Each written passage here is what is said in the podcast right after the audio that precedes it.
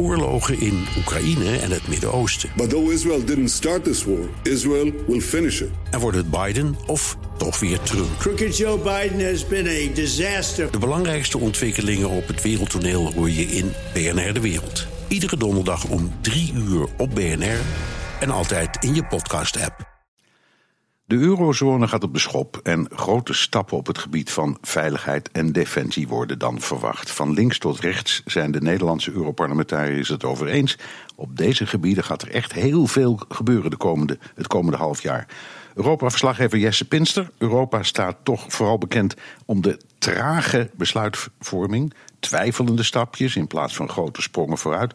Waarom zou dat nou plotseling snel en anders gaan? Ja, dan gaan we het toch weer over de Duits-Franse as hebben. Macron en Merkel. Want ik uh, dacht, het is vandaag de laatste dag dat het Europees Parlement bijeen is. Laat ik eens een aantal parlementariërs bellen met hun verwachting voor het komende half jaar. Ook omdat in Europa gezegd is, aan het eind van dit komende half jaar moet er een toekomstvisie liggen. En iedereen begint eigenlijk bijna direct over Macron en Merkel. En er zijn twee onderwerpen die er dan echt uitspringen. En dan gaat het inderdaad om de eurozone en financieel-economisch beleid waarover zo nog wat meer. En defensie- en veiligheidsvraagstukken, waar ook nog wat meer over te melden is. Maar eerst laten we even kort luisteren naar Bas Eickhout. Want ja, als het gaat om Frankrijk en Duitsland die de kaart trekken, hij is daar wel blij mee. Soms moet je ook gewoon blij zijn dat er nu weer een keer wat, wat meer balans komt in die uh, Frans-Duitse as. Uh, de, de Duitse dominantie was ook niet goed voor Europa. Maar goed, het is wel erg afhankelijk van aan wie je het vraagt. Want SPR Dennis de Jong die ziet toch vooral aankomen dat Brussel straks alle macht weer naar zich toe gaat trekken. Er staat een heleboel op het spel. Want ik verwacht eind dit jaar echt een enorme hoeveelheid uh, ja, nieuwe bevoegdheden voor de Europese Commissie. En dat wordt dan allemaal in de achterkamertjes geregeld, denkt de Jong.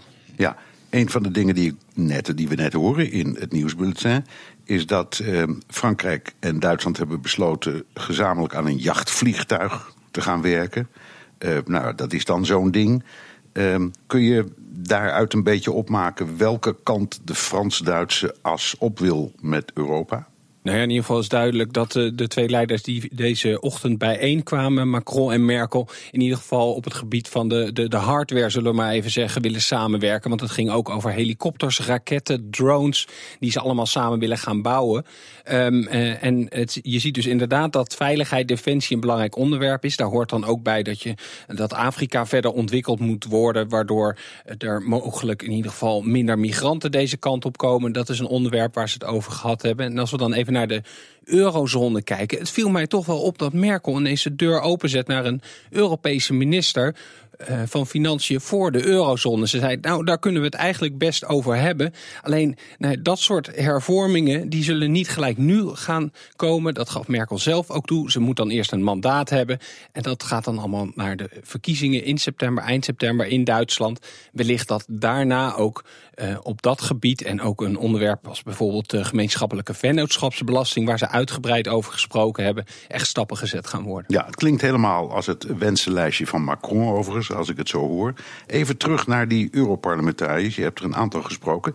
Ik hoor helemaal het woord Brexit niet. Nou, er was iemand die daar wel gelijk over begon hoor. De heer Hans van Balen van de VVD. Wordt er eigenlijk onderhandeld? Uh, eigenlijk niet. Ja, er wordt eigenlijk niet meer onderhandeld. Het ligt volgens hem volledig stil. En dat kan zomaar in de komende maanden echt helemaal misgaan. Als die relatie helemaal verzuurt, en dat zou dit half jaar kunnen gebeuren, dan komt er helemaal geen deal. En dan hebben we met een van de belangrijkste bondgenoten hebben we geen afspraken. Nou, dat is redelijk rampzalig.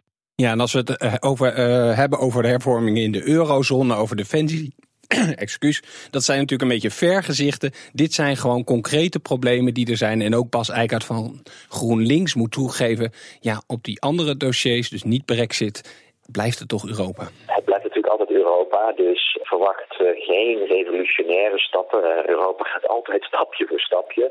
Dus blijf letten op die Brexit, ja. Ja. Dankjewel, Europa-verslaggever Jesse Pinster.